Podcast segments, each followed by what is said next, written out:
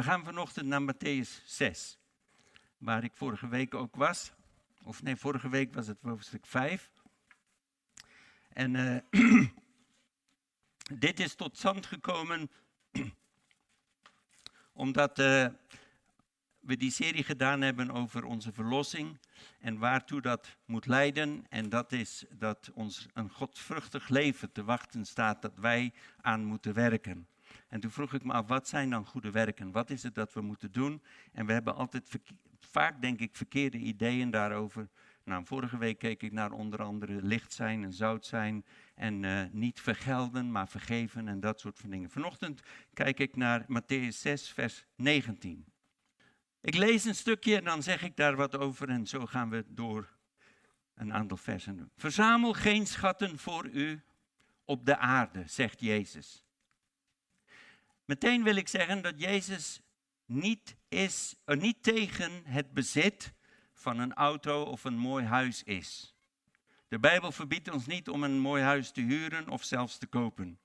Hij zegt niet dat het verkeerd is om extra kleding in je kast te hebben en dat je alleen maar één of twee stukken kleding moet hebben. Jezus zegt ook niet dat het verkeerd is om van de nieuwe, nieuwste snufjes gebruik te maken of te sparen, bijvoorbeeld voor je oude dag. Ook verbiedt Jezus niet het sparen of gebruik van kapitaal in enige vorm. Nee, wat Jezus zegt, we gaan verder in vers 19, is verzamel geen schatten voor op de aarde waar mot en roest ze verderven en waar dieven inbreken en stelen. Jezus zijn oproep roept, zijn onderwijs roept ons op om de belangrijke vraag, waar is onze schat, te beantwoorden.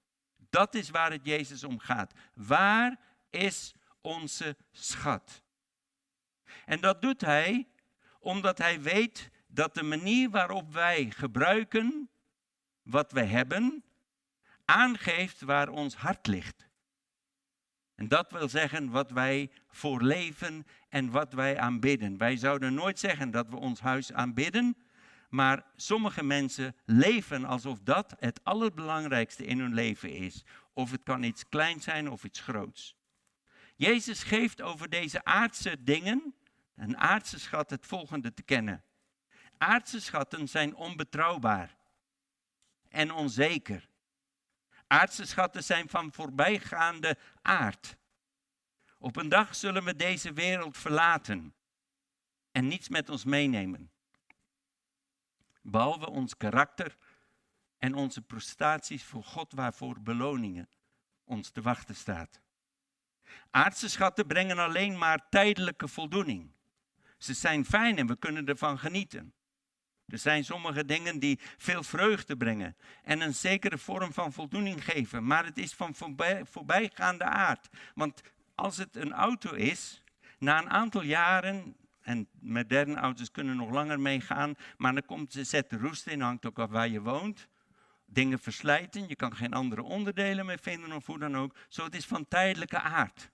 Dan heb je misschien nog de foto dat je kan ophangen en kan aanbidden. Maar Jezus laat ons weten, onbetrouwbaar zijn deze dingen en onzeker. De ene dag heb je het, en de andere dag is het weg. Maar in plaats van deze schatten op aarde te verzamelen, zegt Jezus het volgende. Matthäus 19.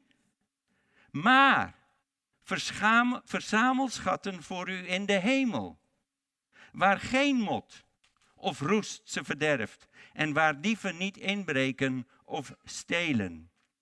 Verzamel de schatten in de hemel. Met andere woorden zegt Jezus, concentreer je op dat wat eeuwige waarde heeft. En dat is iets dat ons als christen behoort te kenmerken. Focus op dat wat blijvend is. Jezus legt de nadruk op het geven in plaats van het vergaren. Het is niet verkeerd om dingen te hebben. Het is niet verkeerd om, om, om, om dingen te gebruiken. Het is niet verkeerd om meerdere dingen van iets te hebben. Maar onze houding moet één zijn van geven, willen geven.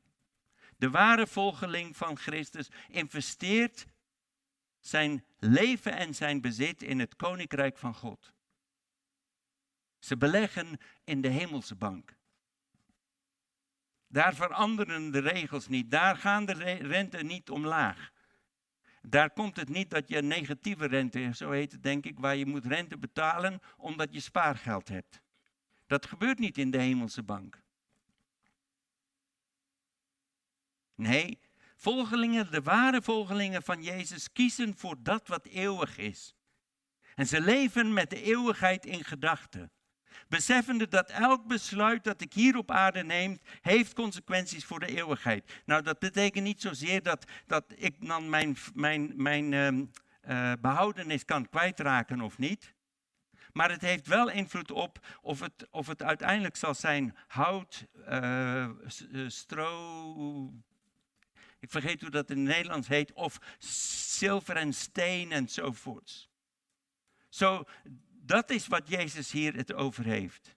Waar, waar leef je mee in gedachten? Maak je besluiten om voor het nu, of het even straks, of neem je besluiten die invloed hebben, heeft op de eeuwigheid, op andere mensen hun leven, hoe zij wel of niet in de hemel terecht zullen komen, door Jezus wel of niet te kiezen enzovoort enzovoort. Toegewijde volgelingen van Jezus zetten zich in om God te dienen met hun tijd, met hun energie, met hun bezit, met hun talenten, met hun gaven, met hun geld. We zeggen het zo makkelijk, alles is van u, Heer. Ik heb, iemand wel, ik heb het vaker gehoord dat mensen zeggen van, ze zeggen dan komen ze tot geloof en dan komen ze naar dat, op een punt waar ze zeggen ik wil me laten dopen en dan zeggen ze alles is van u Heer. En dan staan ze net op het punt om zich te laten dopen en zeggen, oh ja, ik moet even mijn portemonnee uit mijn zak halen. Want die gaat niet mee het graf in. Maar dat kan ook zijn mijn carrière.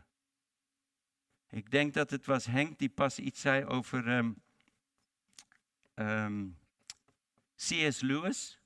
Dat C.S. Lewis zei, wanneer we tot geloof komen, dan kunnen we ons leven onszelf zien als een huis. En er zijn vele kamers. En dan komt Jezus binnen en hij begint dingen af te breken. En dan zeggen we, nee, nee, nee, ho, ho. En Jezus zegt, nee, ik kom niet om het huis aan te passen. Ik kom om in het huis te leven en ik wil het maken zoals het hoort te zijn. Maar wij zeggen, nee, die deur doe ik niet, doe ik niet open. En daar mag u niet bij komen. Maar een ware volgeling van Jezus Christus zegt, alles is van u. U bent mijn schat. Hun schat hun voorkeur gaat uit naar dat wat nooit zal verdwijnen, dat niet kan worden gestolen, dat nooit versleten raakt en nooit zal worden opgebruikt. Dat is waar wij, die zeggen dat we gelovigen zijn, ons voor zouden moeten inzetten. De schat die wij nastreven is onaantastbaar en zal nooit zijn waarde verliezen. Het is of de schat, hij is bij de Vader, waar alles veilig is. En dan heeft het natuurlijk alles te maken met vertrouwen. Vertrouwen we God of niet? Matthäus 6, vers 21. Want waar uw schat is, daar zal ook uw hart zijn. Hier benadrukt Jezus het belang van de gezindheid van ons hart. Het is een kwestie van hart. Sommige mensen hebben een heleboel en heel veel geld en een mooi huis en nog twee andere vakantiehuizen. Maar ze zijn er vrij van, want hun hele leven is niet om zich daarin te investeren. Ze gebruiken het als een middel dat God hun gegeven heeft om te leven in zijn koninkrijk en het evangelie te verspreiden. Maar andere mensen hebben maar één klein kamertje met net een droog dak boven hun hoofd. Maar dat is alles waar ze voor leven. Jezus zegt, waar je hart is, dat is waar je schat te zien zal zijn. Hier benadrukt Jezus, zoals ik zei, het gezindheid van iemands hart. In Gods woord vertegenwoordigt het hart het centrum van ons wezen, het centrum van ons verstand, van onze wil en de diepste verlangens die in ons zijn. Die komen als het ware uit ons hart. En de aard van iemands hart wordt weerspiegeld in de dingen of de spullen of de zaken die men het meest waardeert. Zo waar iemand het meest over praat. geeft aan waar hij meeste tijd aan besteedt. Waar hij het meest aan denkt en waar zijn verlangen naar uitgaat. En hij dan uiteindelijk zich voor in zal zetten. Ja, en dat zien we natuurlijk in allerlei zaken in het leven. Er zijn mensen die hebben een doel in het leven. Die zijn, uh, ik noem maar op, bijvoorbeeld tegen schepen op de zee. En alles waar ze zich voor inzetten, waar ze dingen voor opgeven, alles waar ze over praten, alles, elke gelegenheid die ze krijgen voor een microfoon, is ze praten over we zijn tegen schepen op zee. Ik kan genieten van de dingen die ik dan wel eens kan zien op tv, die gebeuren bij de Olympische Spelen. En dan zie je waar mensen in dit geval vijf jaar voor hebben ingezet. En vorige week liet ik dan dat filmpje zien. Maar ik weet dat ik een tijd geleden, ik weet niet meer of het Sven Kramer was of die Epke Zonderland. En er was een interview met hun en uh, het ging erover van, ja, ze zijn heel goed, ze waren heel goed, ze zijn nog steeds heel goed, maar leeftijd kruipt in en dat soort van dingen. Maar er werd hun gevraagd, en zeg maar, is het niet, moet je er veel voor opgeven? Ja, wie dat ook was, weet ik niet, maar dit geldt voor al die topsporters. Moet je er veel op voor geven? Ja. En dan noemen ze een paar dingen, zoals je vrienden gaan feesten, dat, ja, dan blijf ik thuis, of ik ga oefenen, of wat ook al. En uh, uh, eten en dat, ja, ik moet een speciaal dieet volgen. En vind je dat niet erg? Nee. Want ik heb een groter doel voor ogen. En dan denk ik ook hoe vaak wij als christenen soms zeggen: Ik wil Jezus volgen, maar we zijn niet bereid om die opofferingen te maken en een gedisciplineerd leven te leiden om dat doel te bereiken. En zo leert Jezus ons dat leven voor aardse schatten ons vermogen om geestelijke zaken duidelijk te zien. Het belemmert ons om de geestelijke dingen waarvoor we echt leven te kunnen zien. Vers 22. De lamp van het lichaam is het oog. Als dan je oog oprecht of gezond of helder of gefocust is, zal, je heel, zal heel je lichaam verlicht zijn. Maar als je oog kwaadaardig is, zal je heel je lichaam duister zijn. Als het licht dat in je is duisternis is, hoe groot is dan de duisternis zelf? Het oog is de venster naar het ziel. Als we praten met, met anderen, dan kijken we naar de ogen, meestal. En in de ogen kan je zien. Dat is nog een klein voordeel van als je een mondkapje opdraagt. Want je kan niet meer zien of iemand een mooi glimlach heeft, scheve tanden of rechte tanden of zo. En dan moet je maar focussen op de ogen. En dan kan je zelfs nog dan, zonder dat je dit kan zien, kan je een sprankel in de ogen te zien of dat het een verdrietig oog is of hoe dan ook. De oog zegt boekdelen over wat we denken enzovoorts. En de staat van een raam bepaalt welk licht de kamer binnenkomt.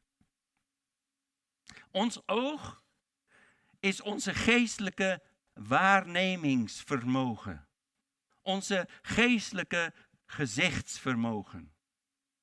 En als onze geestelijke oog, als ons geestelijk denken helder en gezond en gefocust is, zien we de dingen van God helder en duidelijk. De Bijbel laat ons dat zien. Paulus spreekt ook over mensen die geestelijk denken en leven en mensen die vleeselijk denken en leven. Maar degenen die zich richten op God en zoeken naar Gods wil en zich verdiepen in het woord van God om te begrijpen wat God wil, maar God zegt, hoe God is, hoe wij zijn en dat, kunnen die dingen makkelijker ontvangen. Want de oog is helder, is gefocust. Zoals onze oog helder is en gefocust op de zicht, onzichtbare dingen van God, de geestelijke dingen, dan zullen we openhartig en enthousiast en gul zijn in Gods koninkrijk en investeren om zo schatten in de hemel te verzamelen.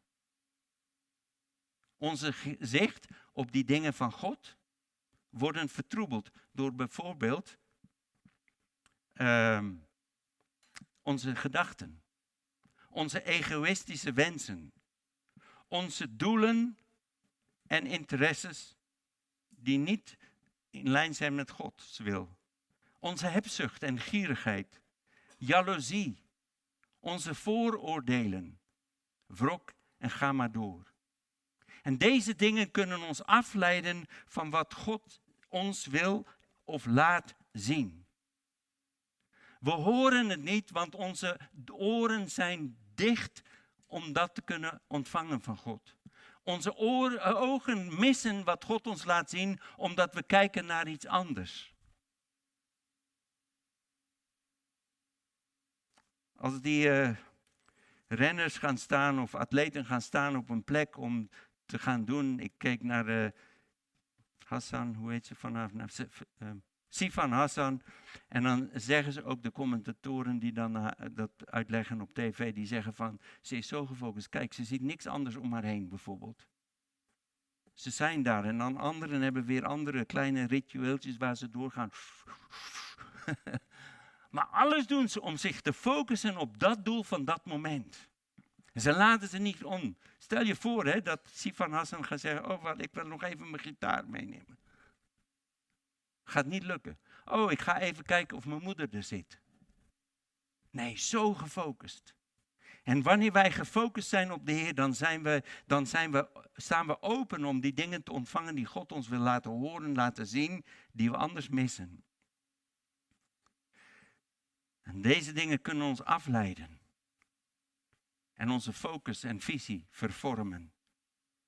Dan zegt Jezus verder in vers 24 dat leven voor aardse schatten schaadt onze relatie met God. Vers 24. Niemand kan twee heren dienen, want of hij zal de een haten en de ander liefhebben, of hij zal zich aan de een hechten en de ander minachten. U kunt niet God dienen en de mammon. Mammon is een Aramees woord dat idool of God van rijkdom betekent. Zo, je kan niet God dienen en tegelijkertijd een andere God. In dit geval noemt Jezus de God van de rijkdom. Maar het is voor alles geld. Dat is niet alleen geld of bezit. De mammon omvat alles waar we mee meer waarde aan hechten. Zoals dit voor mij meer waarde heeft dan Jezus in mijn leven, dan is dit een belemmering. Als mijn studie daar ik daar meer waarde aan hecht dan het volgen van Jezus. En ik zeg niet dat de studie verkeerd is. Het kan zijn dat de, de studie is wat God je geleid heeft om te, te gaan doen. Maar als dat de focus gaat worden in plaats van en meer waarde heeft in plaats van God in je leven, dan is het een probleem.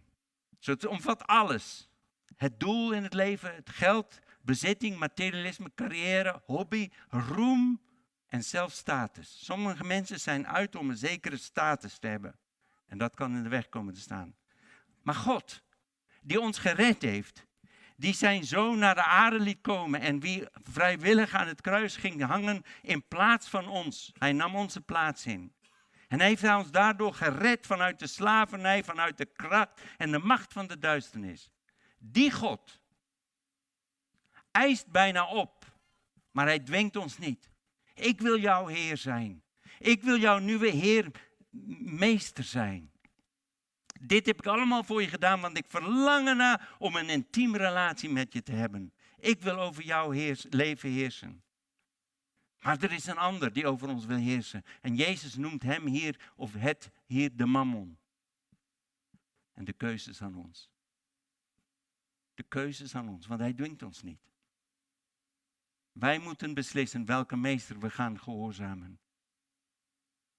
God gebiedt ons om in geloof en in gehoorzaamheid te wandelen met Hem. Ons te laten leiden door de Geest. In de vrijheid van wat Hij voor ons heeft behaald. Hij zegt, wandel in het overvloedig leven dat ik gekomen ben om te brengen. Dat is zijn verlangen. Maar de mammon lokt ons om op het zichtbare te concentreren, zodat we afgeleid worden voor dat hogere doel dat God voor ons heeft. God roept ons op om het geluk in het leven in Hem te zoeken, in een persoon. En de mammon probeert ons te verleiden om ons geluk in spullen of dingen of status of zo te zoeken. Ik sluit af met, dat was mijn vraag, hoe verzamelen we dan schatten in de hemel? Hoe investeren wij in het koninkrijk van God? ik heb in de hoofdstuk, dit hoofdstuk een paar dingen. Ik noem ze even, ik ga niet erop uitbreiden. Maar allereerst is. Jezus zei in, toen hij gevraagd werd: hoe moeten we bidden? zei Jezus: Onze Vader die in de hemel is. Laat, je wordt naam, haar naam wordt geheiligd. Laat uw koninkrijk komen en uw wil gedaan worden op aarde zoals in de hemel. Nou, jullie hebben vaak van mij gehoord dat ik dan dat een beetje persoonlijk maak en dat ik zeg, laat uw koninkrijk komen in mijn leven. Zoals u verlangt voor mijn leven. Heer, kom als koning van de koninkrijk, kom en heers in mijn leven. Laat uw wil geschieden. Maar hoe kunnen we weten wat Gods wil is? Duidelijk staan er een aantal dingen in de Bijbel. Maar of ik hier moet wonen of daar moet wonen. Of ik deze, dit, deze auto moet kopen of die auto. God wil ons daarin leiden. En vaak zegt God van, maak je eigen keus. Wat is, wat, welke kleur verkies je? Maar er zijn gelegenheden waar God zegt van, die auto. En dus is het altijd met het kopen van dat soort van dingen dat we ook zeggen, Heer, leid ons. Wat, laat ons zien. U weet wat er onder de kap zit, ik niet. Tenzij ik iemand meeneem, maar dan ook nog. God weet die dingen. Zo, laat uw koninkrijk komen. Heer, deze dag wil ik voor u leven. Ik wil door uw geest geleid worden. Zo zal ik investeren in het koninkrijk van God. Streef ijverig naar de heerschappij van God in en door je leven heen. En wees daarin gedreven door de eeuwigheid. Weet dat elk besluit dat je neemt. De vrouw die je kiest om mee te trouwen, of de man, als je vrouw bent waar je kiest om mee te trouwen, heeft invloed op hoe je in het koninkrijk gaat investeren. De tweede is dat aan het eind van hoofdstuk 6 zegt God naar aanleiding van dit wat Jezus zegt hij na dit wat hij gezegd heeft over het verzamelen van schatten op aarde. En dan spreekt hij over geen zorgen maken, maar hij zegt dan zoek eerst het koninkrijk van God. En zijn gerechtigheid. En al deze dingen die je nodig hebt, en zelfs meer dat je niet nodig hebt, maar waar hij mee je wil zegenen, zal hij je geven. Het koninkrijk zoeken betekent dat, we, dat, dat je God koestert. En zelfs steeds vrijer wordt van de sleur van al het aardste en vleeselijke om ons heen. Zo Vraag God om met zijn koninkrijk te komen. Zoek dan zijn koninkrijk in je leven. Derde is vertrouw op de belofte van God en wees niet bezorgd. Ga ik niet lezen, maar vanaf vers 22, 25 tot 32 spreekt Jezus over. Hij zal voor je zorgen. Ook in deze verschrikkelijke crisis waarin we zitten. Hij zal voor je zorgen. Zo vertrouw op de belofte van God. En dan nummer vier, wees vrijgevig en bereid offers te brengen. Geef aan God en ook aan de behoeften van anderen. De oproep van de Bijbel is dat we vrijgevige mensen zijn. Niet verzamelaars voor mezelf en voor mijn trots en voor te kunnen zeggen van kijk hoe goed ik ben. Maar God zegent ons ook zoals hij zei, Abraham ik ga je zegenen. Maar wat voegt hij daaraan toe? Zodat jij een zegen kan zijn. Zo God zegent ons soms. En soms zeg ik, Heer, we hebben het niet nodig. Maar dan zegt hij door Debbie, ja, jij dacht dat we het niet nodig hebben, maar God wil het gebruiken bijvoorbeeld. Om anderen tot zegen te zijn. Dat is onze houding. Wees bereid om vrijgevig te zijn en offers te brengen. En de laatste is, en daarvoor wil ik even lezen uit Spreuken 3, vers 9. De eerste paar versen van Spreuken zijn van mijn favorieten. In de Bijbel één van mijn favorieten. Maar eer de Heer met wat je hebt. Er staat in vers 9 van Spreuken 3. Vereer de Heer met je bezit. Met alles wat je hebt. Met de eerstelingen van je heel je opbrengst. Dat betekent met de beste van de oogst die je hebt. Zet God op de eerste plaats. En ik weet, dit is telkens weer iets waar mensen tegenaan lopen, mij kwalijk nemen, mij zeggen van het is makkelijk voor jou, al dat soort van dingen. Maar het blijft voor mij een overtuiging van een Bijbelse principe. Zet God op de eerste plaats. Eer hem daarmee. Vers 10 zegt, dan zullen je schuren gevuld worden met overvloed en je perskuipen overlopen van nieuwe wijn. Nou, ik heb me niet verdiept in de torens en de perskuipen zoals Harold dat deed met de torens. Maar ik denk dat het wel duidelijk is wat dat betekent. Richt je op de Heer. Lieve mensen, waar verlangt jouw hart, jouw hart vanochtend naar? Koester jij de dingen van deze wereld, zoals geld, roem, bezittingen, veiligheid, succes, macht, invloed, gelijk willen hebben, vooral in deze tijd? Of verlangt jouw hart erna dat Jezus de grootste schat in je leven is? Voor nu en voor de eeuwigheid.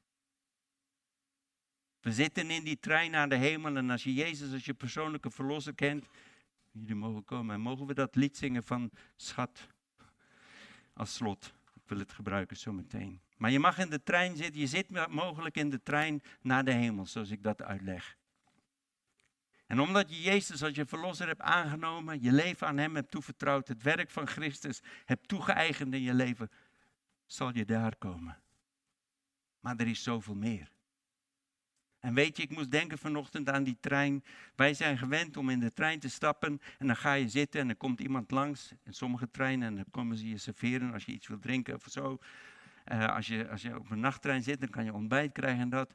Um, er, zijn, er zijn conducteuren die komen het werk voor je doen. Maar stel voor dat dit een trein is waarin degenen die binnenstappen worden meteen ook ingezet om de ander daarin te dienen.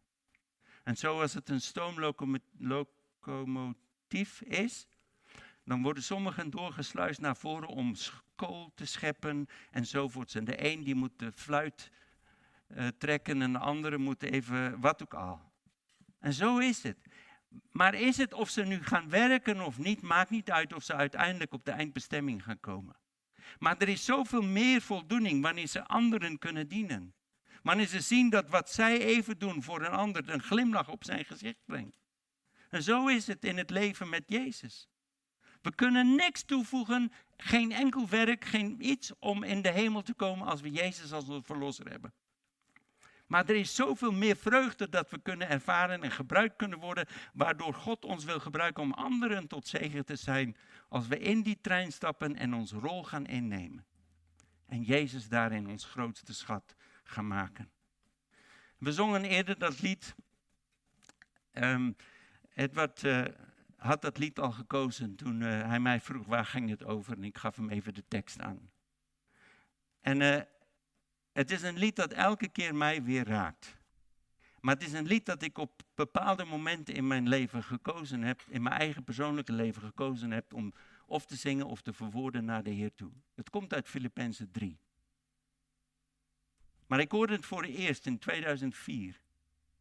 Was februari 2004. Onze dochter was net 20 geworden en stond op het punt om te gaan au Ze was gevraagd om au te doen in Australië.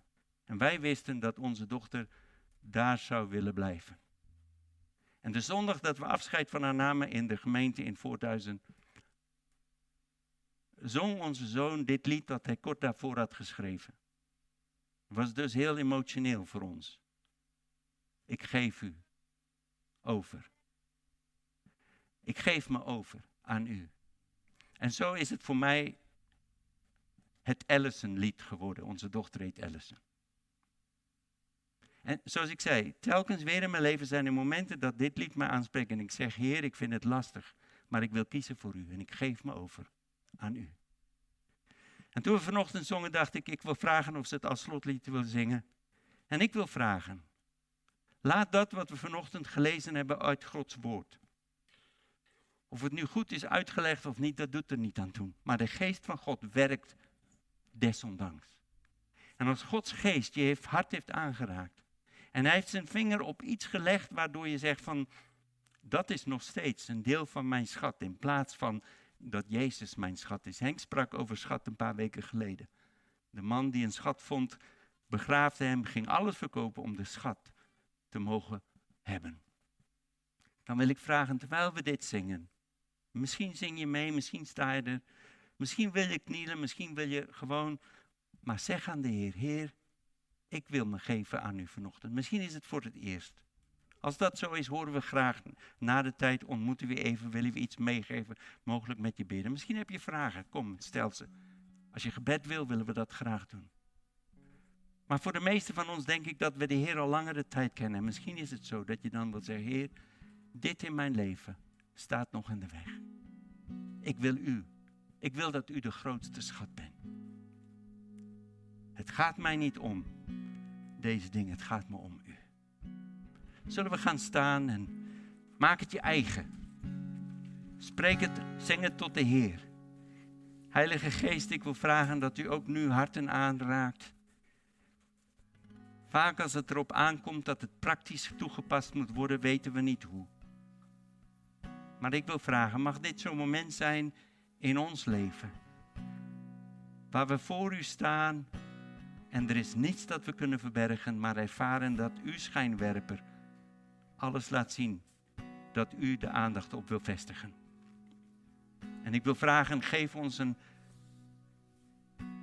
een hart dat zal regeren. En zeggen, hier is mijn hart. Duw werk binnenin mij. En neem dat wat in de weg staat.